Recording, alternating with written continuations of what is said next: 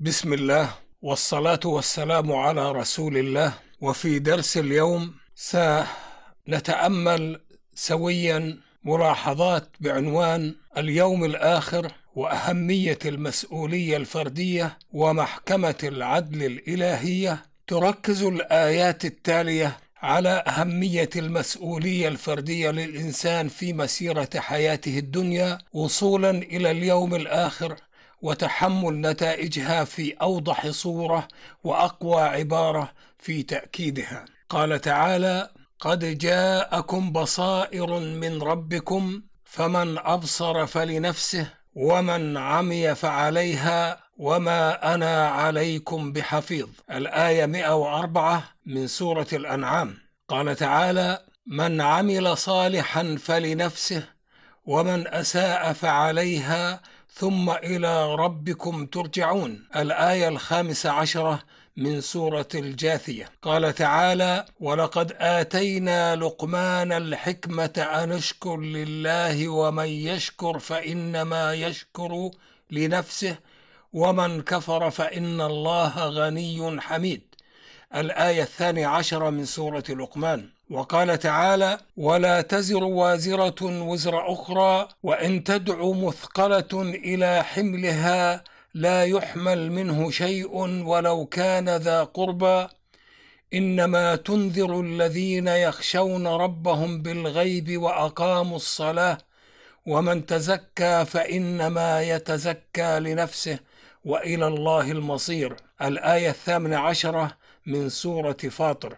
قال تعالى ومن جاهد فإنما يجاهد لنفسه. إن الله لغني عن العالمين. الآية السادسة سورة العنكبوت. قال تعالى وأن أتلو القرآن فمن اهتدى فإنما يهتدي لنفسه ومن ضل فقل إنما أنا من المنذرين. الآية 92 من سورة النمل. قال تعالى ها أنتم هؤلاء تدعون لتنفقوا في سبيل الله فمنكم من يبخل ومن ومن يبخل فإنما يبخل عن نفسه. والله الغني وأنتم الفقراء. وإن تتولوا يستبدل قوما غيركم ثم لا يكونوا أمثالكم. الآية 38 من سورة محمد. قال تعالى إن الذين يبايعونك إنما يبايعون الله. يد الله فوق أيديهم فمن نكث فإنما ينكث على نفسه ومن أوفى بما عاهد عليه الله فسيؤتيه أجرا عظيما. الآية العاشرة من سورة الفتح. قال تعالى ومن يعمل سوءا أو يظلم نفسه ثم يستغفر الله يجد الله غفورا رحيما ومن يكسب اثما فانما يكسبه على نفسه وكان الله عليما حكيما سورة النساء الآيتان 110 و111 قال تعالى فمن اهتدى فانما يهتدي لنفسه ومن ضل فانما يضل عليها ولا تزر وازره وزر أخرى وما كنا معذبين حتى نبعث رسولا. الآية الخامسة عشرة من سورة الإسراء. ونستنبط من الآيات السابقة أن نجاة الإنسان يوم القيامة مشروع وقرار شخصي. لن تعذروا أيها الإنسان بتقصير الناس وانحراف المشاهير أو الملوك والحكام والمغمورين. وخذلان الأقربين والأبعدين دنياك اختبار لك وحدك. فاعمل لنفسك واجتهد لنجاتها لتفوز بالجنة. قال تعالى كل نفس ذائقة الموت وإنما توفون أجوركم يوم القيامة فمن زحزح عن النار وأدخل الجنة فقد فاز. وما الحياة الدنيا إلا متاع الغرور. لتبلون في أموالكم وأنفسكم ولتسمعن من الذين أوتوا الكتاب من قبلكم ومن الذين أشركوا أذى كثيرا. وإن تصبروا وتتقوا فإن ذلك من عزم الأمور. الآية 186 من سورة آل عمران. فمن قوانين محكمة يوم القيامة والعدل الإلهي فتعرف على محكمة الآخرة أو محكمة اليوم الآخر أو محكمة يوم القيامة قبل أن تقف فيها. واحد الملفات غير سرية. قال تعالى وكل إنسان ألزمناه طائره في عنقه ونخرج له يوم القيامة كتابا يلقاه منشورا. اقرأ كتابك كفى بنفسك اليوم عليك حسيبا. من اهتدى فإنما يهتدي لنفسه ومن ضل فإنما يضل عليها. ولا تزر وازرة وزر أخرى. وما كنا معذبين حتى نبعث رسولا. الآية الخامسه عشره من سورة الإسراء. اثنين الحضور تحت حراسة مشددة. قال تعالى وجاءت كل نفس معها سائق وشهيد. الآية 21 من سورة قاف. ثلاثة الظلم مستحيل. قال تعالى ما يبدل القول لدي وما أنا بظلام للعبيد. الآية 29 من سورة قاف. أربعة ليس هناك محام يدافع عنك.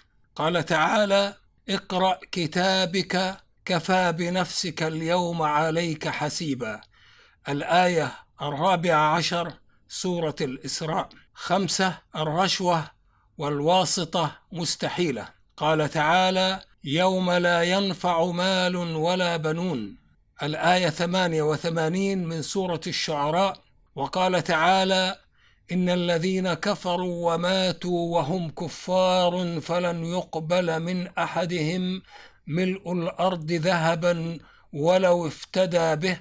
أولئك لهم عذاب أليم وما لهم من ناصرين. الآية 91 من سورة آل عمران.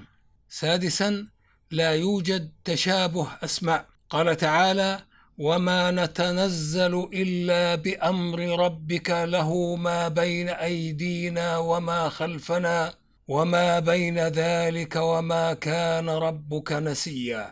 الآية 64 من سورة مريم. سبعة استلام النطق بالحكم باليد.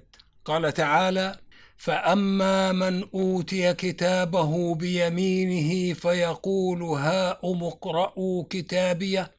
الآية التاسعة عشرة من سورة الحاقة قال تعالى وأما من أوتي كتابه بشماله فيقول يا ليتني لم أوت كتابيه. الآية 25 من سورة الحاقه ثمانية لا يوجد حكم غيابي. قال تعالى ما يبدل القول لدي وما أنا بظلام للعبيد. الآية 29 من سورة قاف. عشرة لا يوجد شهود زور. قال تعالى يوم تشهد عليهم ألسنتهم وأيديهم وأرجلهم بما كانوا يعملون. الآية 24 من سورة النور. أحد عشر لا توجد ملفات منسية. قال تعالى يوم يبعثهم الله جميعا فينبئهم بما عملوا أحصاه الله ونسوه والله على كل شيء شهيد. الآية السادسة من سورة المجادلة. اثنى عشر ميزان دقيق للأعمال. قال تعالى ونضع الموازين القسط ليوم القيامة فلا تظلم نفس شيئا وإن كان مثقال حبة من خردل أتينا بها وكفى بنا حاسبين. الآية 47 من سورة الأنبياء. وبعد تأمل الآيات السابقات نسدي لك أخي الكريم النصيحة في الوصايا العشر من القرآن الكريم. الوصية الأولى ألا تشركوا به شيئا. الوصية الثانية وبالوالدين إحسانا. الوصية الثالثة ولا تقتلوا أولادكم من إملاق نحن نرزقكم وإياهم. الوصية الرابعة ولا تقربوا الفواحش ما ظهر منها وما بطن. الوصية الخامسة ولا تقتلوا النفس التي حرم الله إلا بالحق. الوصية السادسة ولا تقربوا مال اليتيم إلا بالتي هي أحسن. حتى يبلغ أشده الوصية السابعة وأوفوا الكيل والميزان بالقسط لا نكلف نفسا إلا وسعها. الوصية الثامنة وإذا قلتم فاعدلوا ولو كان ذا قربى. الوصية التاسعة وبعهد الله أوفوا. الوصية العاشرة وأن هذا صراطي مستقيما فاتبعوه ولا تتبعوا السبل فتفرق بكم عن سبيله.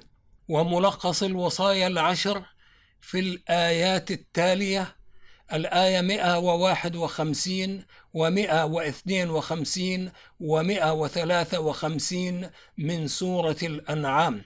قال تعالى قل تعالوا أتل ما حرم ربكم عليكم ألا تشركوا به شيئا وبالوالدين إحسانا ولا تقتلوا أولادكم من إملاق نحن نرزقكم وإياهم ولا تقربوا الفواحش ما ظهر منها وما بطن ولا تقتلوا النفس التي حرم الله إلا بالحق ذلكم وصاكم به لعلكم تعقلون ولا تقربوا مال اليتيم إلا بالتي هي أحسن حتى يبلغ أشده وأوفوا الكيل والميزان بالقسط.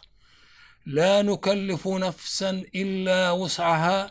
وإذا قلتم فاعدلوا ولو كان ذا قربى وبعهد الله أوفوا ذلكم وصاكم به لعلكم تذكرون وأن هذا صراطي مستقيما فاتبعوه ولا تتبعوا السبل فتفرق بكم عن سبيله ذلكم وصاكم به لعلكم تتقون سورة الأنعام الآيات 151 152 و153 وهذه وصايا من الله جل جلاله وعظم شأنه. ونستودعكم الله الذي لا تضيع ودائعه. والسلام عليكم ورحمة الله وبركاته.